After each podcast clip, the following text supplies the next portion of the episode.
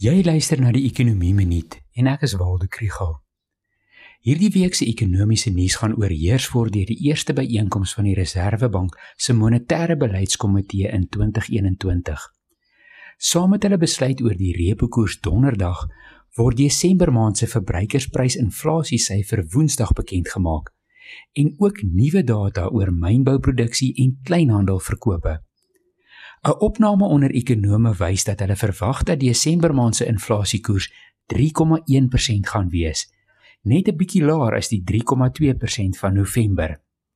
Die verwagting is ook dat mynbouproduksiesyfers en kleinhandelsyfers gaan wys dat die herstel van die ekonomie verlangsaam het aan die einde van 2020. Daar is diegene wat hoop dat die lae inflasiesyfer en stadiger groei van die ekonomie Die Reserwebank sal noop om die repo koers nog 'n keer te sny met 25 basispunte.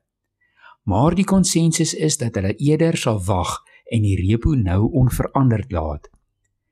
Die gevolg is dat daar is min om na uit te sien om die ekonomie te stimuleer.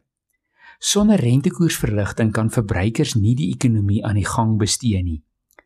Beleggers wag vir fundamentele hervormings wat elektrisiteitsvoorsiening sal verbeter infrastruktuurinvestering aan die gang kry en beleidsonsekerheid sal verminder.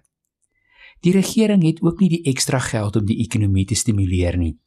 En daar is sprake van belastingverhogings om vir die enstof te betaal.